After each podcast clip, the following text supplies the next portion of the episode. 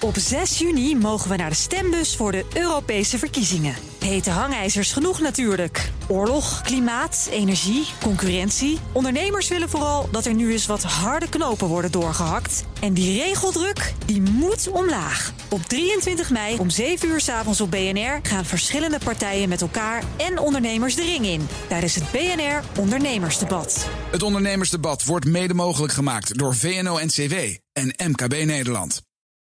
Op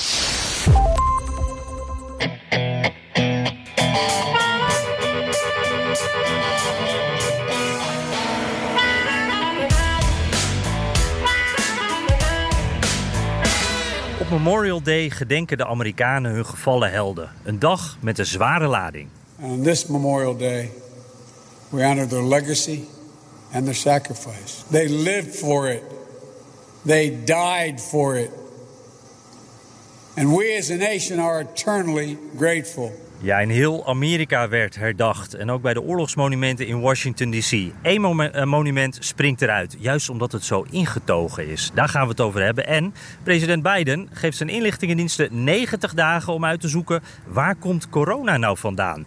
Dit is aflevering 79 van de Amerika-podcast. Mijn naam is Jan Posma vanuit Washington D.C. Ik zou willen zeggen aan de keukentafel, maar ik moest er even uit. Eh, en ik zit nu... Ja, er begint zelfs een bandje te spelen hier op de achtergrond. Ik zit hier op eh, Dupont Circle, een parkje hier in de buurt. En ik moet het een keertje dus zonder mijn koffie doen. Maar...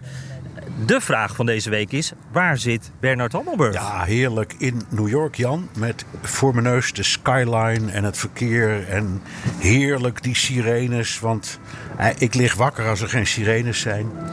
Eh, en de stad bruist weer een beetje. Ehm, dus ik, eh, ja, ik zou zeggen, ik, ik parafraseer Donald Trump, die destijds zei: Amerika is open voor business. Studio Hammelburg in New York is open voor business, Jan. Ja, zeker. Bij deze geopend. Wat mooi man. Ik voelde al dat, dat er wat anders was. Dat je in dezelfde tijdzone zit, eh, Bernard. Ja. Hoe, eh, hoe, hoe eh, voelt het daar nou in Bernard? Je, daar in New York, Bernard? Want je zei al van het is weer open. Is het helemaal weer Nee, open? nee, of of is het nog een beetje voorzichtig? Nee, jij had het misschien in de vorige podcast, weet ik niet meer, of daarvoor over hoe in Washington ja, een soort, een soort twijfel. Eh, eh, periode heerst. Eh, en dat is hier, zie je dat heel duidelijk. Dus je loopt op straat en dan hebben de mensen meestal een mondkapje over hun kin. Ehm, en dan loop je een winkel binnen en doet iedereen keurig zijn mondkapje op. En dan kijken ze om zich heen. En dan denken ze, hé, hey, verhip, andere mensen doen dat weer niet. Dat doen ze weer af. Zie je allemaal gebeuren. Ja. Ehm, eh, restaurants zijn open, eh, terrassen zijn open. Het is lekker weer, bovendien. Dat, eh, dat, is, dat is ook fantastisch. Dus ja, het begint te bruisen. Maar je ziet dat de mensen in een soort twijfel zijn. Van ja, we weten wel dat iedereen hier zo'n beetje is gevaccineerd. Maar ja, zouden we het risico nemen? Ik, ik, ik was zojuist, kwam ik uit de lift met de ochtendkranten, wat ik hier altijd doe.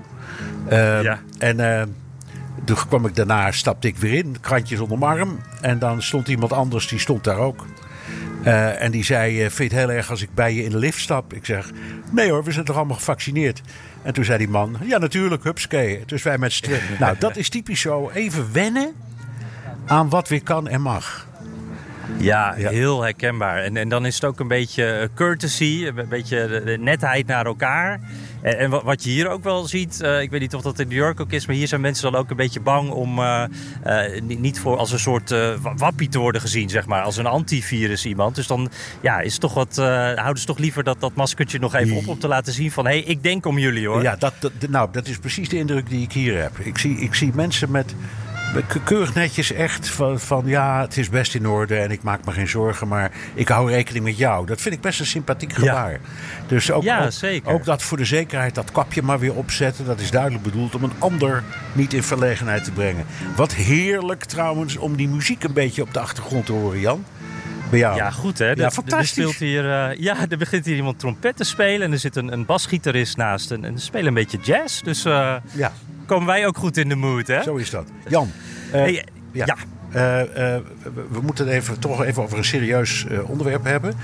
Ja. We hebben net het Memorial Day weekend gehad. Eh, vertel, hoe, hoe was dat bij jou? Ja, dat is toch wel altijd bijzonder, vind ik hoor. Eh, een weekend waar, waarin, een lang weekend hier, hè, dan zijn ze op maandag allemaal vrij. Maar het hele weekend staat dan toch wel in het teken van die Memorial Day. En, dat begint hier in Washington al op zaterdag en zondag. Dan is Rolling Thunder, dat heet nu eigenlijk Rolling to Remember, maar het is een beetje hetzelfde. motoren die in een lange optocht door de stad gaan, die, vragen aandacht voor, voor soldaten die vermist zijn in, in oorlog, die gevangen zijn genomen. Hè, missing in action, dat soort termen komen dan veel voorbij. Ehm, en, en ook veel aandacht voor, voor zelfmoord onder veteranen. En dat, dat is echt een hels kabaal met allemaal Harleys, met Amerikaanse vlaggen. Allemaal van die leren vestjes aan. Dus dat is echt een heel indrukwekkend gezicht. En uh, ja, op, op, maandag, dat is dan de dag uh, waarop eigenlijk de echte memorial is. En, en dan, dan hadden we ochtends hier uh, de speech van Biden, waar we aan het begin een stukje van hoorden. En toen ben ik smiddags even naar de monumenten geweest hier in de buurt van de Korea-oorlog, in Vietnam ook even geweest. En even een beetje kijken, een beetje praten, voelen hoe het daar is. En ik, moet er wel weer zeggen, Bernard, het is ook een, soort grappige mix. Want je hebt hele serieuze mensen, die, die zijn bijvoorbeeld op zoek zijn naar een naam op, op die Vietnammuur. Uh, ik zag bijvoorbeeld ook een Aziatisch uitziende man met, met een Vietnam uh, veteran petje op. En die deed een ritueel met, met, ik denk, een soort zwavelstokjes. Ik weet niet precies wat dat was. En ik, vroeg hem nog, wat, wat, bent u aan het doen? Maar ja, die sprak heel slecht Engels. Dus dan, uh, nou, dan lach je allebei wat. En dan ging hij weer door. En tegelijkertijd, naast de, wat serieuzere kant, zijn er ook mensen die binnenkomen. Uh, daar met, met de radio keihard aan. Die hebben dan een honkbalwedstrijd aan, zijn ze ondertussen aan het luisteren. Dus heel wisselend uh, beleefd. En ja, misschien ook daarom even goed om op een rijtje te zetten. Dat Memorial Day, wat is dat nou precies, Bernard? Ja, dat, dat kwam na de burgeroorlog. En oorspronkelijk heette het Decoration Day. Uh, in, echt, in 1868 ingevoerd.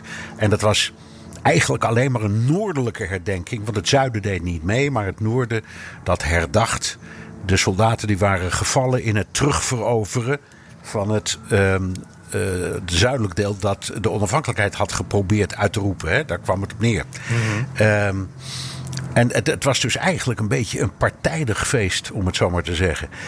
En dat is het gebleven tot uh, de, de twee wereldoorlogen. En daarna werd het een landelijke vrije dag. En echt precies ook zoals jij beschrijft, om gevallenen uit oorlogen te eren. Mensen die vermist zijn.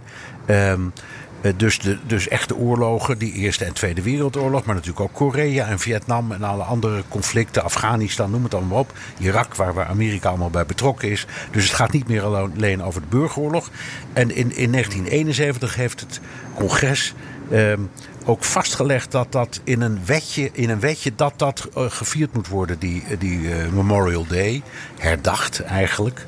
Um, en dan heb je ook nog een Armed Forces Day. En dat is een eerbetoon aan soldaten die op dit moment dienen. En je hebt ook nog een Veterans Day voor veteranen. Dus het is wat dat betreft is het.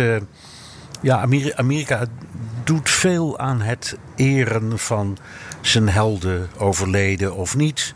Betrokken in goede of foute oorlogen is ook een heel belangrijk ding om te benadrukken. Omdat gelukkig steeds meer het besef is doorgedrongen dat de soldaat die dient niet gaat over de vraag of dat nu een goede of een foute oorlog is. Die dient omdat hij een ambtseed heeft afgelegd en dient. Of omdat hij wordt opgeroepen. Al die dingen die komen op zo'n Memorial Day ook weer ter sprake. Dat zul je ook wel hebben gemerkt. En ja, het heeft natuurlijk ook wel iets heel aparts, omdat wat jij zegt. Ja, het zijn ook mensen die, die zien het een beetje als feestdag. Het is, wordt beschouwd als het begin van de zomer. Dus de zwembaden gaan open, om maar wat ja, te noemen. Ja. Uh, je hebt ook grote winkels die hebben Memorial Day sales. Speciale uitverkopen en zo. Dus het is een beetje mix. Maar het, het, ook dat heeft wel iets charmants, vind ik. Het gaat erom dat we vrij zijn en dat we, als we dat willen en kunnen denken, aan soldaten. Ja, ja. en dan doet me dat ook meteen wel denken aan, aan hoe we dat in Nederland doen met 4 en, en 5 mei. een, een, dag, dagen waar ook altijd wel discussie over is van hoe vieren we dat, wat vieren we precies, wat herdenken we. Dat, dat, dat die dagen, ja, daar zit ook een ontwikkeling in. En dat, als ik jou zo hoor, dat, is dat in Amerika dus ook zo? Ja, precies. En, in, en het is niet anders. Zeker. Dat, is, dat, dat, het denken verandert. is in Nederland ook gebeurd met de dodenherdenking op 4 mei. Die was aanvankelijk trouwens eerst op 3 mei. Als het, we zeggen, op, als het op zondag was, was het op 3 mei. Er waren allerlei regeltjes. Ehm, en, en het heeft een hele tijd geduurd, tot, tot ergens in de jaren 60 of zo. Voordat iets anders werd herdacht dan alleen maar ehm, mensen die uh, als soldaat of in het uh, verzet waren omgekomen in de Tweede Wereldoorlog. En dat is daarna pas uitgebreid met ja, het verhaal van de Holocaust. De Joden en de Sinti en de Roma en de homoseksuelen die massaal zijn vermoord.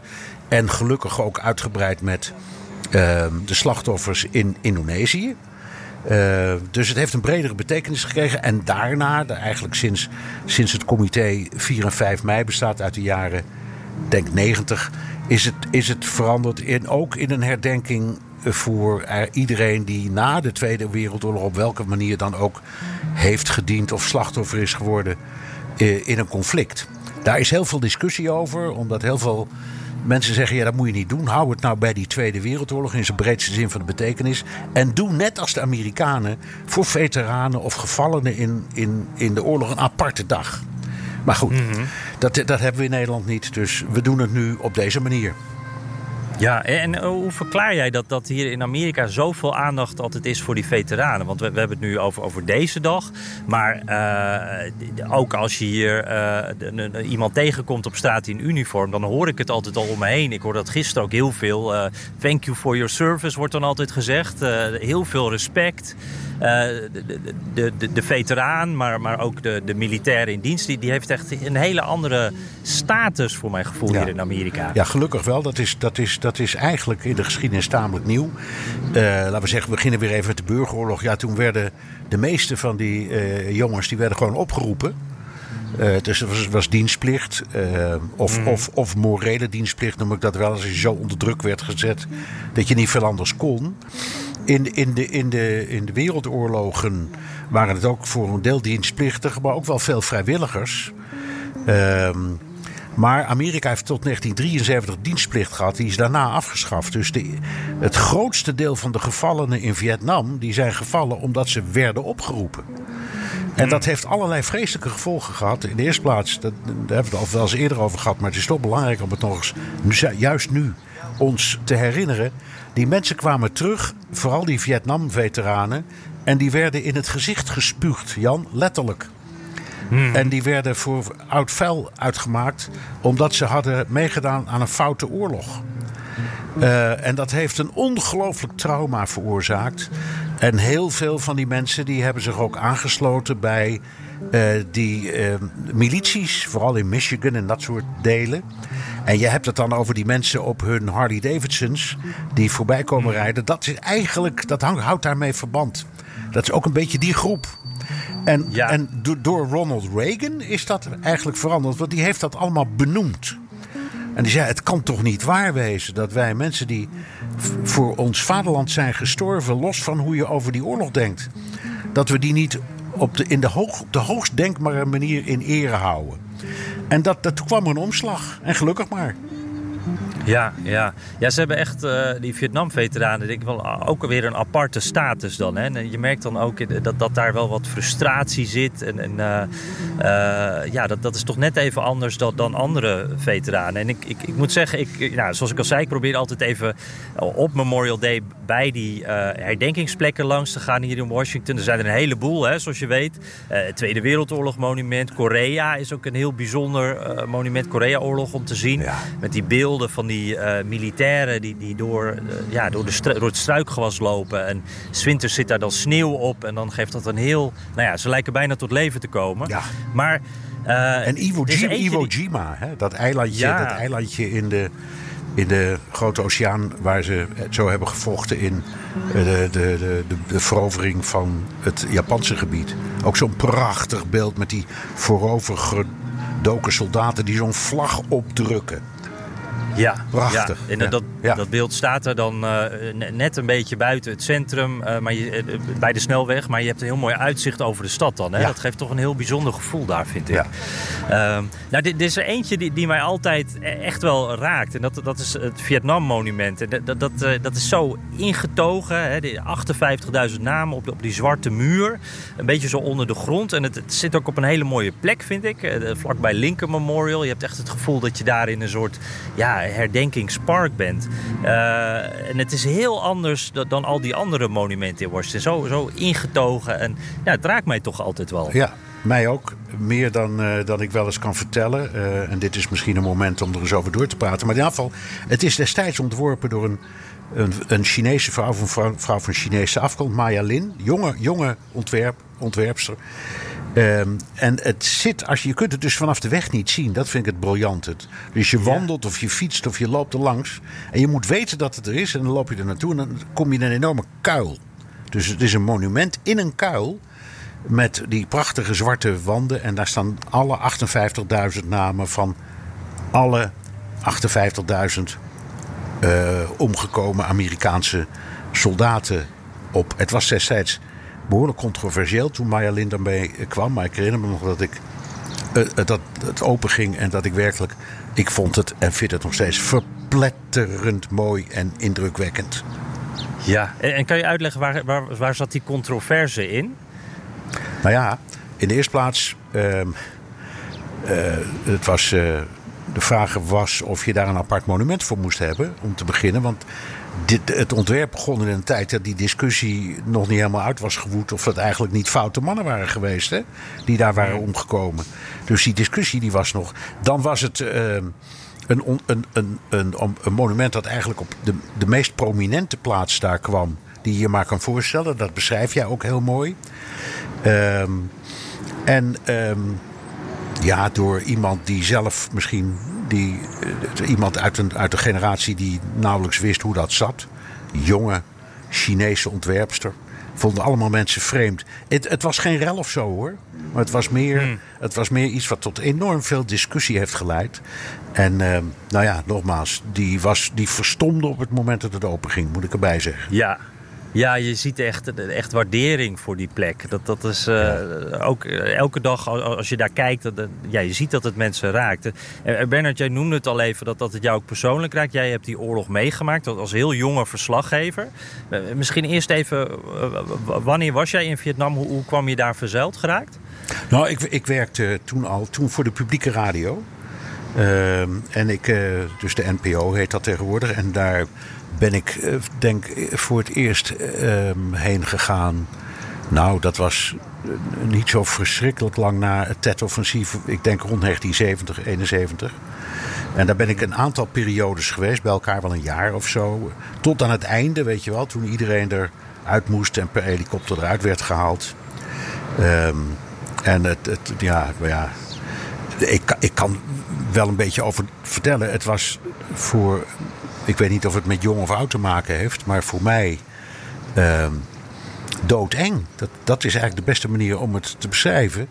Eh, ik heb situaties meegemaakt waarin ik eh, in, een, in een dorp was eh, aan de grens met Cambodja. Dat werd aangevallen door een raketaanval. En ik, ik kon nog maar net ontkomen. Samen met een collega en met een chauffeur. En met een, een meneer, dat was een opa. Die had een dood kleinkind in, in zijn armen. Dat moet je je voorstellen. Dat was net bij de vorige aanval omgekomen. En die man die zei steeds maar in prachtig Frans, want dat spraken ze toen nog. Ik begrijp niet waarom dit moet. Ik begrijp niet waarom dit moet. Dat herhaalde niet. En met z'n vier of vijf zijn we toen in een greppel gedoken. En waren de enige overlevenden. Dat hele, die, dat hele, die hele wijk of dat hele dorp is, was binnen, binnen tien minuten weg. Ehm, en dat zijn, nou ja, en ik heb vreselijke dingen gezien aan het front. En echt, dat kun je. De, mensen die op zulke verschrikkelijke, gruwelijke manieren waren vermoord. Dat, dat heeft bij mij, dat, dat weet ik achteraf pas, toch een posttraumatisch eh, stresssyndroom opgeleverd. Ik heb dus jaren nachtmerries gehad. Afijn, zo, dat is echt zo. En dat heb ik me helemaal nooit zo ik wist dat niet. Niemand had het er toen over. Het hele, het, het- ik zal maar zeggen, de ziekte was nog niet uitgevonden, om het zo maar te zeggen. Ja. En je had, wel, je had wel iets dat heette shell shock. Dat kwam uit de Eerste Wereldoorlog, die, die betiteling. Maar dit was dan, ja, dit leek daar dan op. Maar, Ja. maar dus dat, nou ja, dat heb ik dan verwerkt. En, en, en op een bepaald moment werd dat monument geopend. En toen ging ik kijken, en ik ben er daarna vele malen geweest. En keek dan langs die wanden waar familieleden van omgekomen of vermiste soldaten met, met papier en zo'n zo'n ja, zo'n stift. Die naam, Ja. die naam kopieerde die daar op die wand stond. En dat greep mij naar de strot. En dat doet het nog steeds. Ik kan het niet anders uitdrukken. Dus ik, ik, ik raak behoorlijk overstuur als ik dat zie en als ik daar sta en het weer meemaak. Moet het niet vaak, te vaak doen, zal ik maar zeggen. Nee. Eh, maar het is toch goed en het geeft een heel goed... Nou ja, daarom is het zo mooi, omdat het zo dichtbij komt. Maar kan- je omschrijven, wa- wat voel je dan als je daar staat? Denk je aan, aan, aan toen? Of, of is er een gezicht? Ja, nee, eh, natuurlijk denk ik aan eh, die vreselijke periode in die oorlog en, en de angst. Ehm, en ook wel bijzondere dingen. Maar goed, vooral aan de angsten die, je- die ik heb gehad. En, eh, maar ik kijk dan naar die mensen. En eh, juist omdat ik er ben geweest. En die mensen niet, nooit. Die mensen die daar staan te krabbelen op die muren zijn er nooit geweest. Maar die hebben intens verdriet om een verloren soldaat. En dat voel ik zo mee, omdat ik er zoveel voor mijn ogen eh, heb zien eh, omkomen. Dus, Ja. dus ik ben ontzettend solidair met die mensen. En je, en je begrijpt beter dan op welke andere manier dan ook misschien wat oorlog betekent. Ehm, en ik ben natuurlijk ook een kind uit. eh, ik, ik ben net na de Tweede Wereldoorlog geboren. Uit een familie die eh, massaal is afgeslacht in de Tweede Wereldoorlog. Dus misschien zit daar ook een verband door. Ik wil niet de psycholoog gaan spelen hier. Of eh, wil het ook allemaal niet te ingewikkeld maken.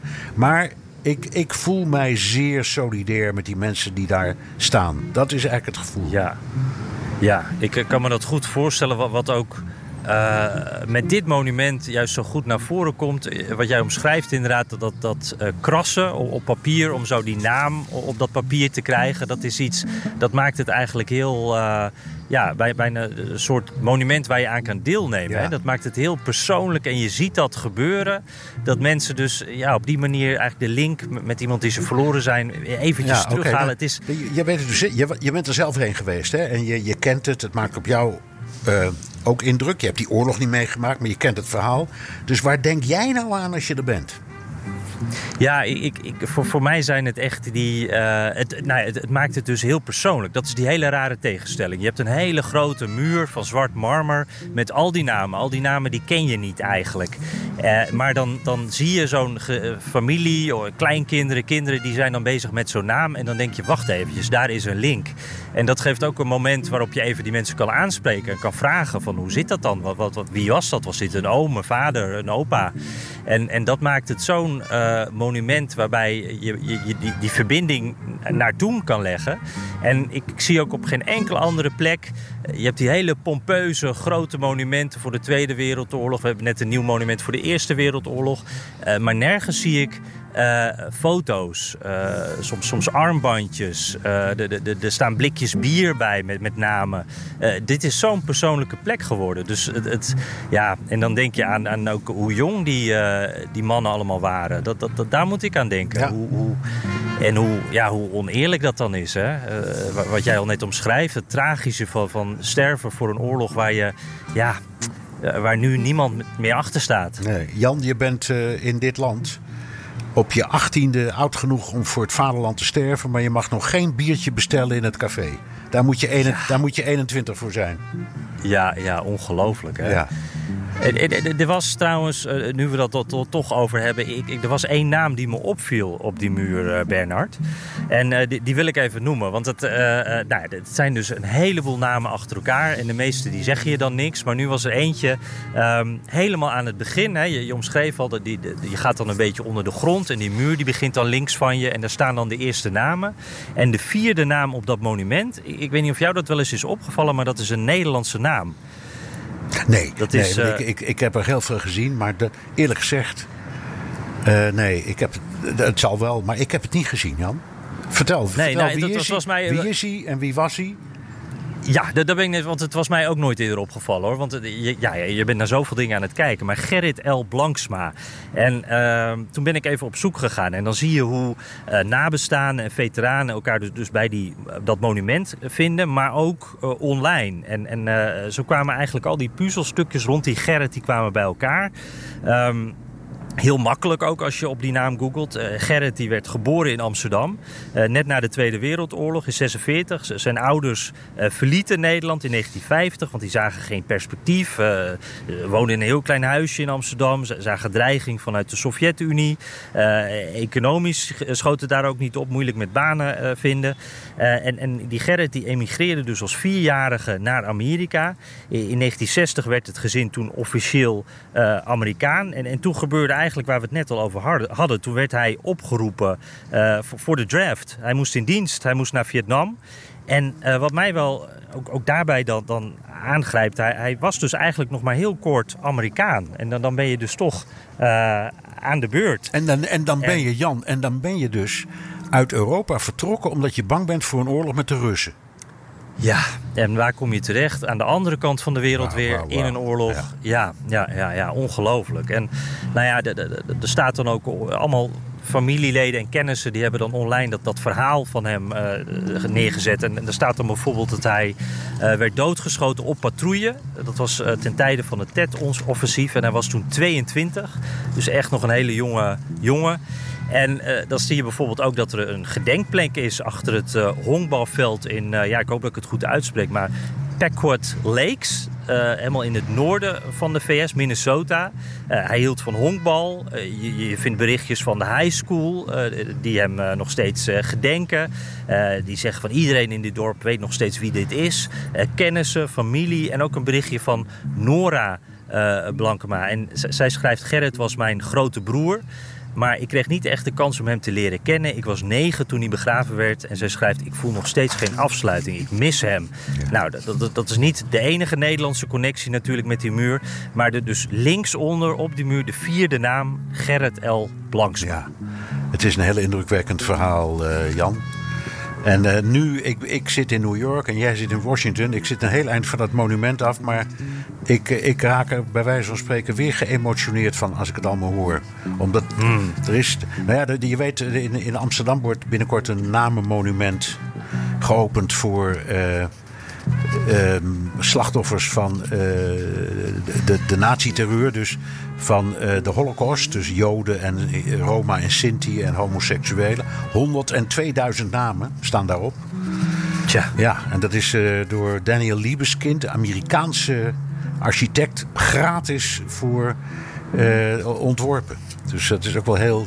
Het heeft ook iets ontroerends, maar je kunt dus datzelfde nu gaan meemaken, maar dan.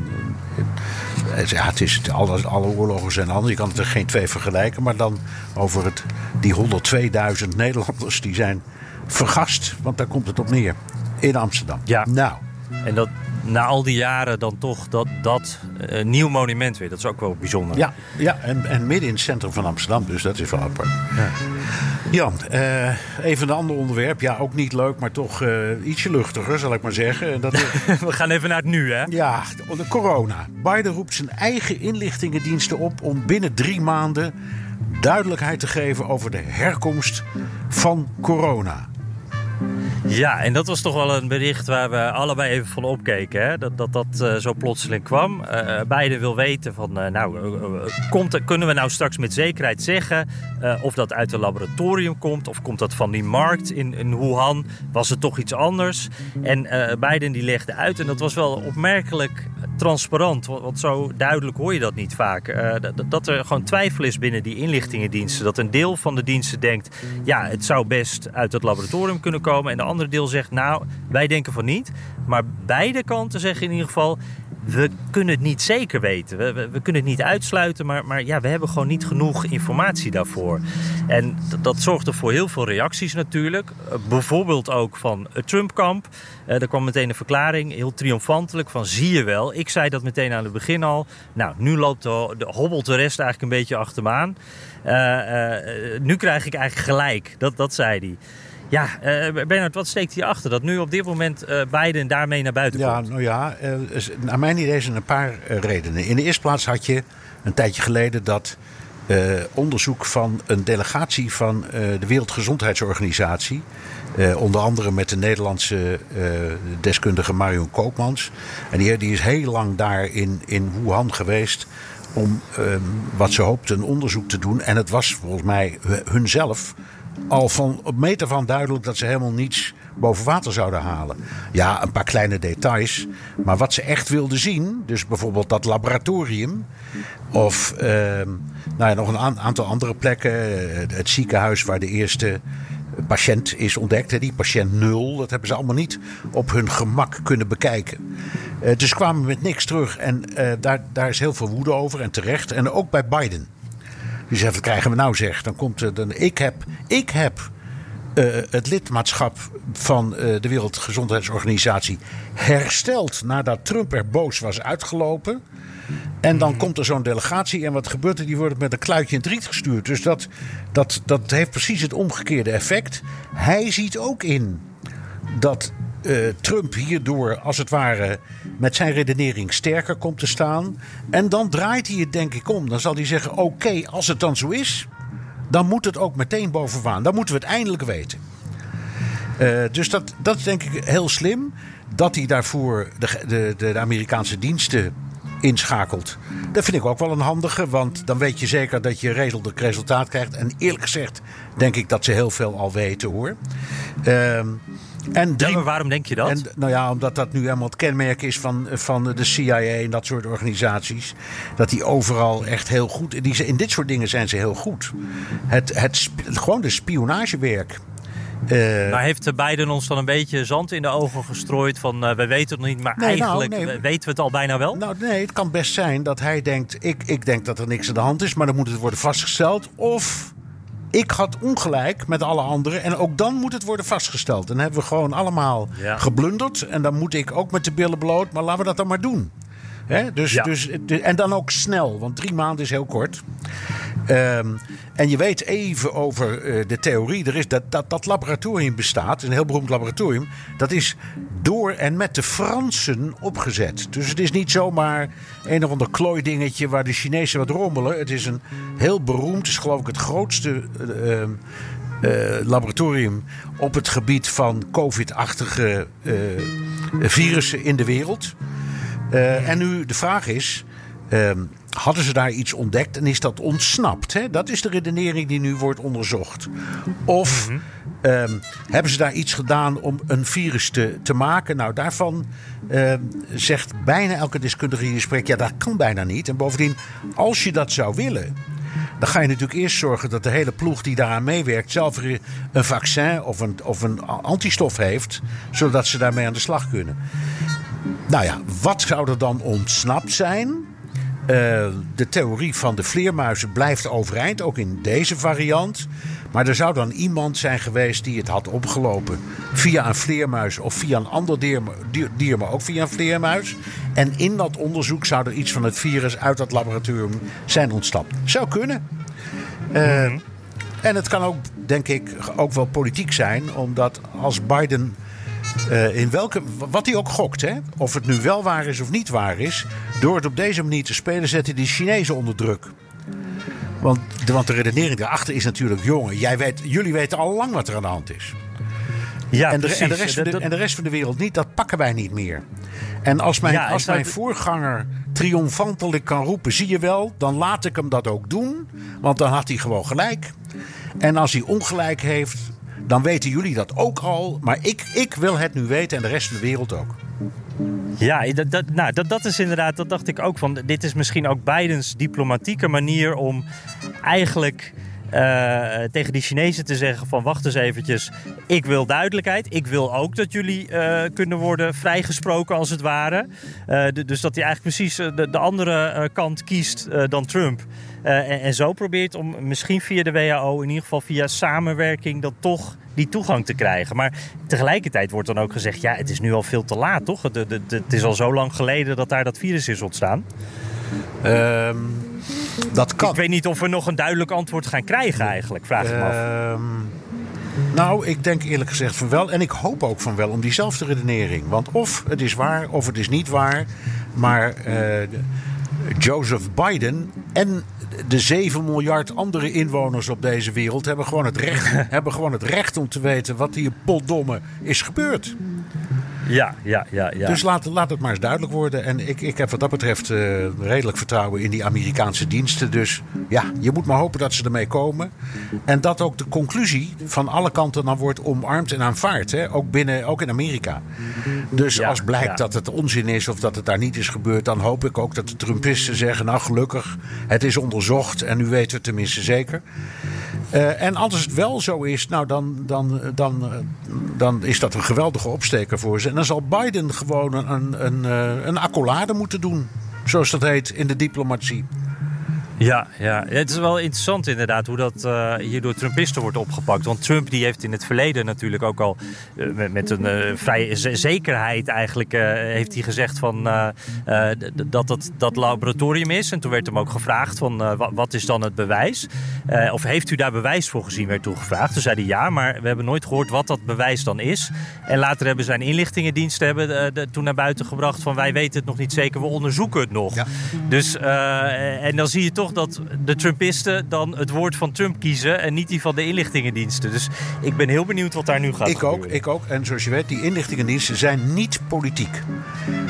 Een, een, echte spion zal het een zorg zijn of meneer Trump of meneer Biden president is. Die wil gewoon zijn werk doen. Dus ook daarom vind ik het goed dat, dat het niet bij de Wereldgezondheidsorganisatie, stelletjes slappelingen zijn dat, maar bij gewoon een stel getrainde spionnen terechtkomt. Die er verstand van hebben en die hopelijk de waarheid boven water krijgen. Ja, precies, precies. En er vliegt hier even een helikopter over. Ja, hier ook. Dat gebeurt hier ook, af en toe. Op hetzelfde moment. Oh, ja.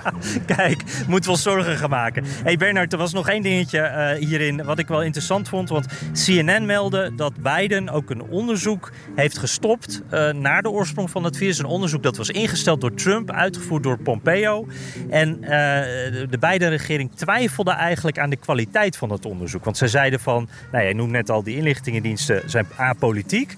Maar zij twijfelden of dat onderzoek van Pompeo vanuit Buitenlandse Zaken dus, of dat niet uh, juist wel te politiek was. Ja. Want uh, nou ja, Trump die had natuurlijk die retoriek van China is de schuldige. En dit onderzoek zouden dan ja, eigenlijk met, met die uitkomst zouden ze daaraan begonnen Ja, dat zijn. was de fout in het onderzoek, omdat de conclusie al vaststond. En als je dus Buitenlandse Zaken je diplomatieke team in gaat, gaat zetten om een stelling te bewijzen die je, die je al hebt aangenomen, dan loopt dat uit de hand. Dus ik denk dat uit praktische Biden heeft gezegd: nee, dat moeten wij niet doen. En ik denk eerlijk gezegd ook dat minister Blinken van Buitenlandse Zaken, de opvolger van Pompeo, ook heeft gezegd: daar zijn wij eigenlijk niet voor, joh. Dat moet je, dat moet je niet door diplomaten laten doen, want wij hebben, we hebben wel gezondheidsdeskundigen, maar wij, daar, zijn, daar hebben in dit land andere. Uh, uh, expertise voor, dus zet die nou in. Ik denk dat dat ja. is wat zich heeft afgespeeld. Ja, ja. Hey, en ik vind, uh, wat, wat, nou ja, ik noemde Trump al even. Ik vind dat daar ook nog wel heel wat op afvalt te dingen. Dat, dat triomfantelijke toontje. Want ik zie dat dat echt uh, nou, heel duidelijk langs politieke scheidslijnen natuurlijk door de Trump-fans wordt overgenomen. van zie je wel, hij krijgt gelijk. Maar ik, ik, als ik terugkijk, Trump die heeft daar nooit goede onderbouwing voor gegeven. Hè? Hij heeft alleen gezegd van ik weet zeker het was China, het is China's schuld. en, en als je dan kijkt naar wat Trump geroepen heeft in het begin was hij eigenlijk nog heel positief, ook richting Xi Jinping, over hoe China het aanpakte. Toen kwam die laboratoriumtheorie, toen sloeg dat helemaal om. Uh, suggereerde hij dus ook dat het misschien wel expres was gedaan door China. Uh, dat hij het bewijs had gezien. Maar ja, wat dat dan was, dat, dat hebben we nooit gehoord. En, en, zijn eigen ja, de inlichtingendiensten hebben dat tegengesproken. Ik moet, moet zeggen, ik, ik vond wel ook ik snap die beide regering ook wel. En ik snap ook wel dat, dat die theorie van Trump zo uh, opzij is gelegd. Uh, want ja, natuurlijk is het een optie en zou dat kunnen dat het uit dat laboratorium komt. Maar de aanwijzingen, de, de echte bewijzen daarvoor, die hebben we gewoon tot nu toe nog steeds niet gezien. En het paste ook wel echt heel erg in dat politieke verhaal dat, dat Trump had. Het was ook volgens mij een, een, een afleiding, toch? Van als we het over China hebben en China de schuld kunnen geven, hoeven we het niet te hebben over hoe er hier in Amerika met die uh, pandemie om wordt gegaan. Nee. En daar zaten twee denkfouten in. De eerste was, als Trump gelijk heeft, hè, achteraf ook nu dan had hij toch echt de middelen. Hij had ook de diensten erop af kunnen sturen. En zei: jongens, ik wil de onderste steen moet boven. Die Wereldgezondheidsorganisatie was hij uitgestapt. Dus eh, laten we het in eigen hand nemen. En eh, linksom of rechtsom, ik wil binnen een, eh, net als Biden, binnen een paar maanden exact weten hoe het is gegaan. Dat had hij ook kunnen Ja. doen. Dat heeft hij niet Ja, gedaan. Integendeel, en hij is, hij is voortdurend gaan komen met beschuldigingen die niet echt waren bewezen. En we kwamen toen met het verhaal over de China-virus. En dat heeft allerlei kwaad bloed gezet. Ehm, en die, die pandemie, die had hij al vorig jaar Pasen eh, willen opheffen. Herinner je dat nog? Ja, de kerken mochten weer vol. Ja, de kerken, alles mocht weer gewoon. eh, dan, is het wel, dan is het wel voorbij. Hè? Dat was het verhaal. Maar het heeft, eh, ja, nou ja, ik zou maar zeggen, nou, ruim een jaar langer geduurd dan de periode die hij in zijn hoofd had. En dat heeft hem uiteindelijk eh, de kop gekost. Ehm, eh, naar mijn idee. Terwijl die, dat was fout nummer twee. Als je dat dan al vindt, ga ermee aan de slag. Roep het niet alleen, maar kom met het keiharde bewijs. Ja, want dan sta je zo sterk als een huis. Dus ook in die langere periode dat het in Amerika zo verschrikkelijk slecht ging. En er zoveel mensen stierven aan dat virus. Toen deed hij eigenlijk niks dan alleen maar blijven roepen dat het zijn schuld niet was. Ja. Maar dat van, de, dat van de Chinezen. En eh, ja, dat is hem denk ik ook kwalijk genomen. Ook door kiezers. Dat was geen handige. Want als dat al zo is, hè, los het dan op, man. Daar ben je president voor. Ja, en, en dat is eigenlijk wel een, een rode draad ook. Dingen die, dat, dat zien we vaker terugkomen in zijn presidentschap. Dat hij heel goed is in het aanwijzen van problemen. Eh, Dat hij dat ook heel goed weet te benoemen. Maar de oplossing, dat, dat, ja, dat is een heel ander verhaal. Ja, en dat geldt voor iedereen. Want ga het maar even oplossen. Maar je moet in afval door. Zo, van- daarom vind ik wat Biden doet nu goed. Eh, die zegt nu, Ja. ik wil nu duidelijkheid. En bedoel, als, ik, als, ik, eh, als ik nat ga en fout was, nou, dan, dan hoor ik het wel. Maar ik wil het nou gewoon weten. Nou, dat had, Ja, dat had, ja. had Trump ook kunnen doen. Met dezelfde idee. Hè, dat was zo, had zo gekund. Nou, ja. Eh, Bernard, ik, eh, Ja, heb ik heb Jan- slecht nieuws. Ja, vertel. Ja, het bandje houdt hier op met spelen. Ze zijn aan het oppakken. Ah jee. Nou, Dus dan, ik denk dat wij, dan eh, misschien, ja. misschien extra aandacht dan. Want kunnen, dan gaan ze nog iets beter luisteren voor de luisteraarsvraag. Heb je luisteraarsvragen, Jan? Ja, zeker. Laten we daar eens mee beginnen. Adriaan de Bruin. Ehm, die altijd eh, met plezier luistert tijdens het tuinieren. Dus ook lekker in de buitenlucht. En hij vraagt zich af. Ik heb altijd begrepen dat in de, eerste, eh, in de eerdere presidentiële verkiezingen de verliezer de vicepresident werd. Tegenwoordig kiest de kandidaat al vooraf zijn vicepresident. Eh, nu Amerika steeds meer verdeeld raakt, zou, het niet, zou het niet goed zijn om dit weer terug te brengen? Zodat meer mensen zich vertegenwoordigd voelen, ook als de tegenpartij de president levert. Ja. Nou ja, dat is hetzelfde als wanneer je tegen eh, eh, Rutte zegt... vorm nu maar een kabinet met Wilders. Want dat is eh, de derde partij in het land. Hè, na D66. Dus, ja, en dan roepen ook heel veel mensen... ja, maar dat is niet de bedoeling van een democratie. Die, die tegenstellingen moeten duidelijk blijven. Maar het is... Adriaan heeft gelijk. In het begin, toen Amerika net bestond, ging het zo. Ehm, en ehm, eh, eh, totdat in, in 1804 het, het, het 12e abonnement speciaal om die reden werd geschreven. Eh, maar de eerste eh, eh, zeggen winnaar die op deze manier te werk ging was John Adams. Die werd president. En de verliezer was Thomas Jefferson van een andere partij. En die werd dus vicepresident. En eh, in 1800 eindigden Jefferson en Burr, die toen ook meedeed, gelijk. En die behoorden tot dezelfde partij trouwens. En toen, toen, kwam, toen, is het, het overige, toen heeft het Huis van Afgevaardigden het ter hand genomen. Die heeft 36 keer moeten stemmen. Eh, en uiteindelijk heeft, eh, is Jefferson toen aan zijn tweede termijn begonnen. Ik weet niet of jij de, de, de musical Hamilton hebt gezien. Eh, nee, maar wel heel veel over ja, maar dat gaat voor een, voor een stukje gaat dat over deze Burr en, en zijn, Ah. zijn strijd en zijn gevoel voor onrecht. Daar kwam het op neer. Eh, maar goed, in 1804 werd dus Jefferson herkozen. Eh, en toen was hij onder het nieuwe abo- eh, abonnement de eerste die een vicepresident aan kon wijzen. En dat, die heette George Clinton, een naam die dus al eerder is voorgekomen in de Amerikaanse Ja. geschiedenis. Ja. Maar, da- maar, maar, maar, maar Adrian heeft dus gelijk. En het, het is een slecht idee. En de Amerikanen kwamen er, zou ik zeggen, naar de eerste oefenwedstrijdjes ook al achter dat het een slecht idee was. Ja, ja, want wat was er? Die samenwerking is gewoon heel moeilijk. Ja, dat is verschrikkelijk als je dus een twee-partijenstelsel hebt. Gesteld nu dat uh, in deze configuratie dan was dus uh, Biden president geworden en Trump vicepresident. Nou, ik weet niet. ja, dat, daar komt het op neer. Zo, ja. zo werkt het. Ja, ja, ja. Geen goed idee.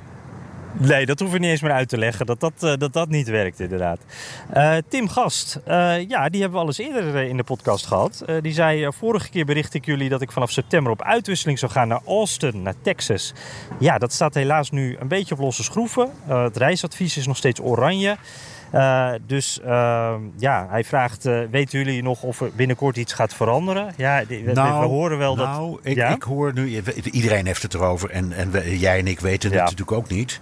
Maar ik begrijp dat iedereen verwacht, ook in Europa, maar zeker in Amerika, dat in september dat soort dingen wel weer lopen. Dus je hebt een vette kans dat ze in af van Amerika gaat- enorme best gaan doen om het academische jaar, nieuwe academische jaar, dat begint in september, om dat eh, min of meer normaal aanzien te geven. Dus ik zou de hoop nog niet helemaal opgeven. Nee, zeker. En ik hoop, eh, hoop eh, voor jou, Tim, dat het ook, ook wat eerder al duidelijk wordt. Want eh, dat is natuurlijk heel lastig als je dat allemaal moet gaan plannen, maar je weet niet of het doorgaat. Ehm, hij heeft nog een vraag, want hij zegt: Ik ga binnenkort op vakantie naar een veilige zone. En hij zegt: Ik ben nog op zoek naar een goed boek over Amerika. Bij voorkeur een biografie over een president. Hebben wij nog tips, Bernhard? Ehm, ja, Ehm, jij en ik hadden het vorige, eh, in de vorige podcast over al die driftkikkers eh, onder presidenten. Ja. En we noemden toen ook de naam Truman. Ja. Ehm, en dat ging ook over de, eh, de ontstaansgeschiedenis, zal ik maar zeggen, van Israël en de relatie van Israël met de Amerikanen. Daar kwam Truman ook weer in voor. En ik heb toen heel veel kennis ontleend aan een boek dat heet Truman. Dus dat kun je makkelijk onthouden. En dat is geschreven door David McCullough. Dat is een hele beroemde biograaf van Amerikaanse presidenten. Dus als je die eh, volgt, MC ehm, C-U-L-L-O-U-G-H, McCullough. Als je die ehm, opzoekt, dan zie je dat hij een hele trits biografie heeft geschreven over Amerikaanse presidenten. En de een is nog beter dan de ander. Maar Truman vind ik de absolute winnaar van, zijn, van die serie. Nou, die, eh, die zet ik ook even op mijn lijst. Dat eh, klinkt eh, heel, heel interessant. Eh, Ik heb er ook nog eentje. Dat is een wat eh, meer ontspannen eh, vakantieboek. Dat is Tony Horwitz, Confederates in the Attic. En dat gaat over hoe de, de burgeroorlog eigenlijk nog steeds naschokt in Amerika. En die las ik tijdens mijn laatste vakantie. Heb ik veel te lang mee gewacht. Het is echt een heel erg leuk boek. En hij vertelt de, de- door middel van zijn reizen door, door de zuidelijke staten... eigenlijk hoe nu nog steeds ja, de, de, burgeroorlog, de, de, Amerikaanse burgeroorlog... een rol speelt in Amerikaanse cultuur, in het Amerikaanse denken. En eh, hij heeft ook nog een opvolger, die heb ik ook meteen maar gelezen. Spying on the South, ook heel leuk, met een beetje dezelfde insteek... maar dan met wat meer oog voor de Trump-supporter. En dat zijn helemaal, nu nog even niet op reis kan naar Amerika... zijn dat wel hele leuke boeken om te lezen. Ook voor mij. Ik had niet van ze gehoord. Ik heb mee zitten schrijven. Ik ga ze lezen, Jan. Kijk, mooi. Dan Ja. eh, hebben wij er ook wat aan op deze manier, hè, richting de zomer. Eh, Harry van de Geest, eh, en, en ja, er staat dan ook bij Tori en Harry, die zeggen, ja, die luisteren ook altijd tijdens die heerlijke podcast. En die hebben al een recensie met vijf sterren achtergelaten. Nou, super. Tijdens het uitlaten van de hond eh, en eh luisteren vooral eh, met veel extra interesse omdat eh wordt geschreven. Het helpt mij om het land van mijn vrouw, een Amerikaanse, beter te begrijpen. Al blijft het een hele bijzondere verzameling van 50 verschillende deellandjes, als je het mij vraagt. Ja, de, de Amerikaan bestaat niet op dat punt, hè? Nee, hoewel eh, als je het vergelijkt met Europa zijn er toch wel overeenkomsten. Ze hebben een beetje dezelfde Ja. geschiedenis, niet helemaal. Ze hebben in afval één taal, hoewel ze de, iemand uit eh, Minnesota grote moeite heeft om iemand uit Texas te verstaan en andersom, maar, ik, maar toch. Ehm, en eh, ja, ze hebben, ze hebben één grondwet die bindend is voor al die 50 staten. Maar goed, het is net als Duitsland een, ehm, een bondsstaat. Dus het zijn 50 onafhankelijke landen in principe. Ja, ja. ja. Hey, en eh, dat was nog niet eens zijn vraag, want hij zegt eh, hij wil nog even terugkomen op eh, het woke denken. Daar hadden we het vorige keer over. Hij zegt: Ik ben zelf niet extreem woke hoor. Maar ik kan me wel goed voorstellen dat een, een standbeeld, we hadden het over die standbeelden die verdwijnen, daar sprak jij je, je zorgen over uit. Je zei ook van er moet een, een, een, in ieder geval een, een e- plakkaatje bij kunnen komen. Daar waren we het allebei wel over eens. Hij zegt dat kan wel als een soort, ja, gezien worden als een soort verering van die persoon. En het plaatsen van een bord met toelichting zou zeker wat bijdragen. Maar nu blijft het naar mijn mening een verering. Hoe, hoe zie jij dat, Bernard? Ja, ik, het, dat is waar. En het is ook bedoeld destijds als verering. Dat kun je niet meer wegnemen. Hè? Dat, dat is gewoon zo. Um, maar ik vind geschiedenis iets dat ontwikkelt zich voortdurend. En het hers, er wordt herschreven en er wordt steeds meer. De, de, opvattingen veranderen. Dat heet volgens mij in de wetenschap revisionisme. Dat je steeds maar dezelfde feiten herziet, omdat je er nieuwe feiten aan kunt toevoegen. Uh, maar ik vind hmm. dat als je die redenering consequent uh, toepast, dan is uiteindelijk is elk uh, historisch monument is weg. Want op iedereen is wel wat aan te merken. Ehm, en ehm, ik, ik kan me voorstellen, als er ooit een standbeeldje zou komen voor Joe Biden, dat dat toch weer weg moet, omdat dat toch ook degene was uh, die destijds bij de hoorzittingen voor uh, de benoeming van Clarence Thomas. Uh, de rechter. ja, in het Hoge Rechtshof een zwarte vrouw die als getuige kwam. En die zich uitsprak over seksuele on, seksueel onwenselijk gedrag. ongeveer kapot heeft gemaakt. Dat hebben ze dan uiteindelijk weer goed gemaakt. Maar het was iets verschrikkelijks. Dus diezelfde Joe Biden was, was, was een houdegen. Ja, dus, eh, dus hoe moet ik hem nou historisch bekijken? En, en, en, ik vind, ik vind eh, dat, dat, geldt, dat geldt voor, we hadden het net over Hamilton, over Jefferson, um, generaal Lee, uh, al dat soort dingen. Ik vind dat je daarmee ook moet kijken, ook met onze eigen gedenktekens en, en beelden. En ik blijf zeggen dat een context verschaffen, groot, duidelijk en, en overtuigend, dat dat meer doet, omdat je dan het uitlegt. Dit hebben we toen gedaan. Ja. Uh, achteraf beschouwd was dat waarschijnlijk fout of was het fout. Maar we gaan het niet weghalen omdat het er staat. En dit is de echte geschiedenis. Dus waarom zou je dat niet hmm. doen? Ik, ik zou niet weten waarom. Ja, ja, nee, die extra context, uh, daar waren wij het ook. Uh, er komt een vrachtwagen voorbij. Eh, die is het er niet mee eens. Maar eh, eh, nee, daar, daar, waren we het wel over eens inderdaad, dat dat belangrijk is. En ik moet ook wel zeggen, nu loopt ook een beetje het woke, de woke-discussie, cancel culture. al die dingen lopen ook een beetje door elkaar. Ik, waar ik me vooral een beetje aan stoor is dat dat woke dus overal opgeplakt wordt. Van, eigenlijk dat dat een soort dooddoener is van nee, daar hoeven we niet over te discussiëren, want jij bent gewoon woke en nou, stel je niet zo aan. En dat, dat is het gevoel wat ik er, erbij heb. Maar goed. Ja, dan naar Ruud van der Welen. Uh, ja, die dankt voor uh, de podcast. Die zegt van, uh, nou, ik kan me nog goed herinneren toen ik begon met luisteren naar podcasts. Toen was het alleen nog maar Engels aanbod. Inmiddels is er heel veel. en hij zegt, ik reageer meestal niet. omdat ik toch meestal weinig zinvols toe te voegen heb. maar nu toch een klein dingetje. Cicades, ja, daar zijn ze weer. Hoe komen sommige Amerikanen erop om cicades een soort van springkanen te noemen? Ze zijn totaal niet verwant, ze lijken er ook helemaal niet op. Uh, ja, en ik moet zeggen, ik, ik, maak me daar zelf ook schuldig aan. Uh, ik zit hier ook in een parkje, er ligt een, uh, best wel een bult met van die uh, cicadevelletjes achter mij. Je hoort ze niet, gelukkig. Maar ja, ik, ik denk zelf, omdat ik, als ik zoek naar een omschrijving. Uh, een cicade, dat weet niet iedereen. En een springkaan weet wel iedereen. En dat geluid doet me ook denken aan een springkaan. En het is een beetje die grootte, dus dat is het denk ik. Nou ja, misschien, ik weet het niet. Ik, ben niet, ik weet van dit soort dingen niks. Maar wat is het verschil tussen een springkaan en een krekel? Kan dat ook nog? Nee, hè? Oh ja, dat is, ja, Dat, dat, is ook een goede. Ja. Oké, Misschien. Uh, ik zou zeggen, dank voor de terechtwijzing, Ruud. Ja, dank ja, Ruud. Dat is heel goed. Blijf luisteren. En uh, uh, als we een biologische kwestie aan gaan roeren, dan staat zijn telefoonummer erbij of zijn e-mail in ieder geval zijn e-mail. Ruud, jij bent de eerste. Ja, precies. Dan stuur even een mailtje. Ja. Zeker. Uh, nu of over 17 jaar als die cicades er weer zijn. David Brouwer, uh, die zegt in de laatste aflevering van BNR De Wereld... zei iemand dat Biden een voorstander was van American Made... Dit zet me aan het denken, want afgezien van Apple of Intel kan ik me weinig bedenken wat van goede kwaliteit is. Uh, daar geeft hij wat voorbeelden en hij zegt van nou ja, als je dit vergelijkt met Japanse of Europese producten, is dit echt een wereld van verschil. Uh, hoe moet dat met die toekomst voor Amerika als het om American Made en, en de populariteit daarvan uh, gaat? Zou Amerika een toekomst hebben met alleen films maken, software ontwerpen en Wall Street? Ja, ja, maar wat deugt er dan niet, zou ik zeggen.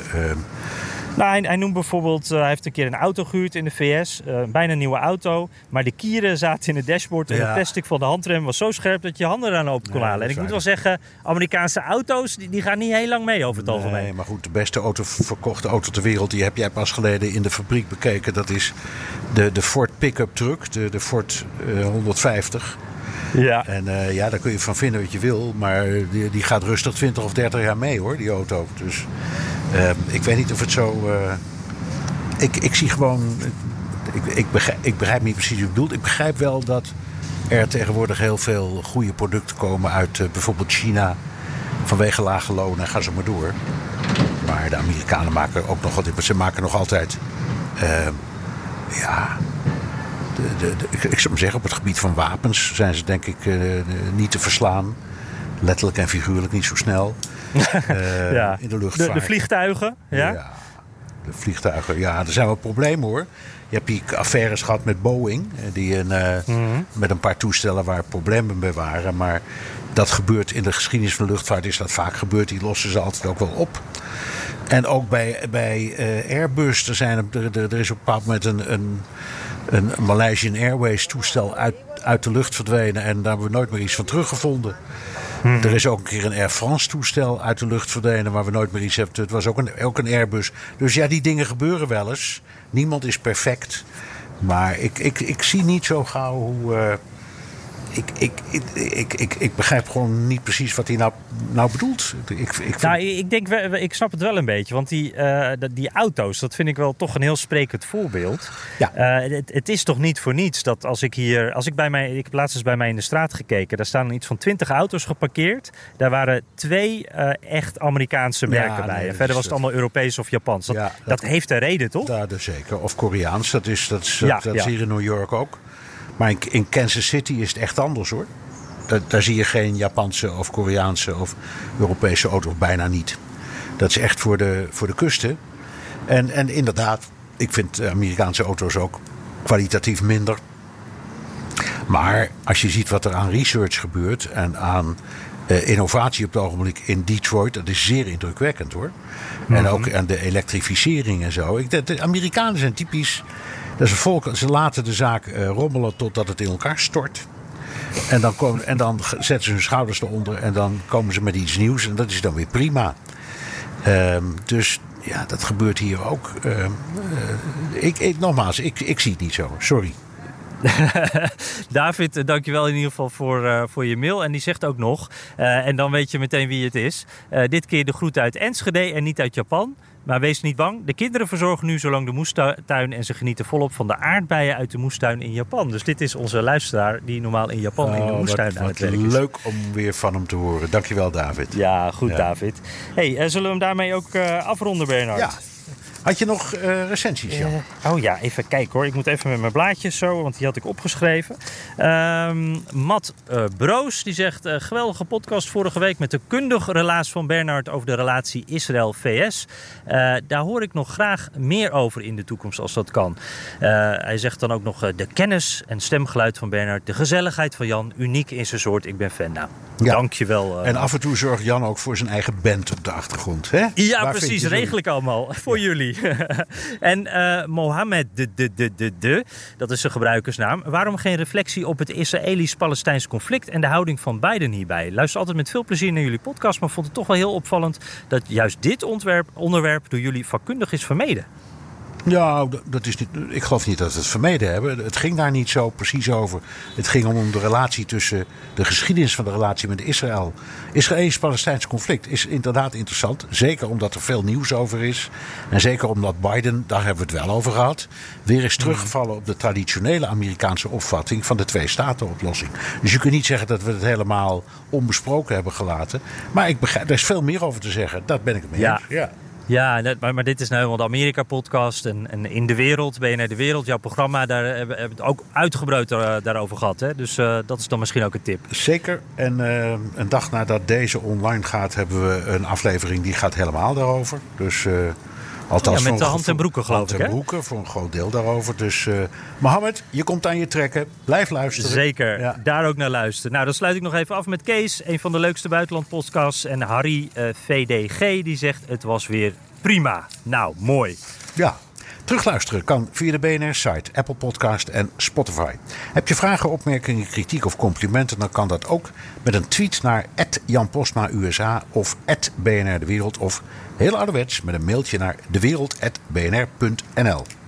Ja, en zoals altijd, uh, laat ons ook even weten uh, hoe je naar ons luistert, waar je naar ons luistert. En misschien ook nog trouwens uh, boekentips. Vond ik wel leuk om weer eens wat te horen. Dus als je die hebt, laat het weten. En ja, Bernard, het voelt wel helemaal anders nu hoor. Wel goed om jou weer aan deze kant van de oceaan te hebben. Yeah, I'm on your side, man. Toch? Ja, eindelijk, eindelijk. En mogelijk volgende week of de week daarna kunnen we nog een keer echt bij elkaar aan tafel opnemen. gaan we in ieder geval alles aan doen. tot volgende week.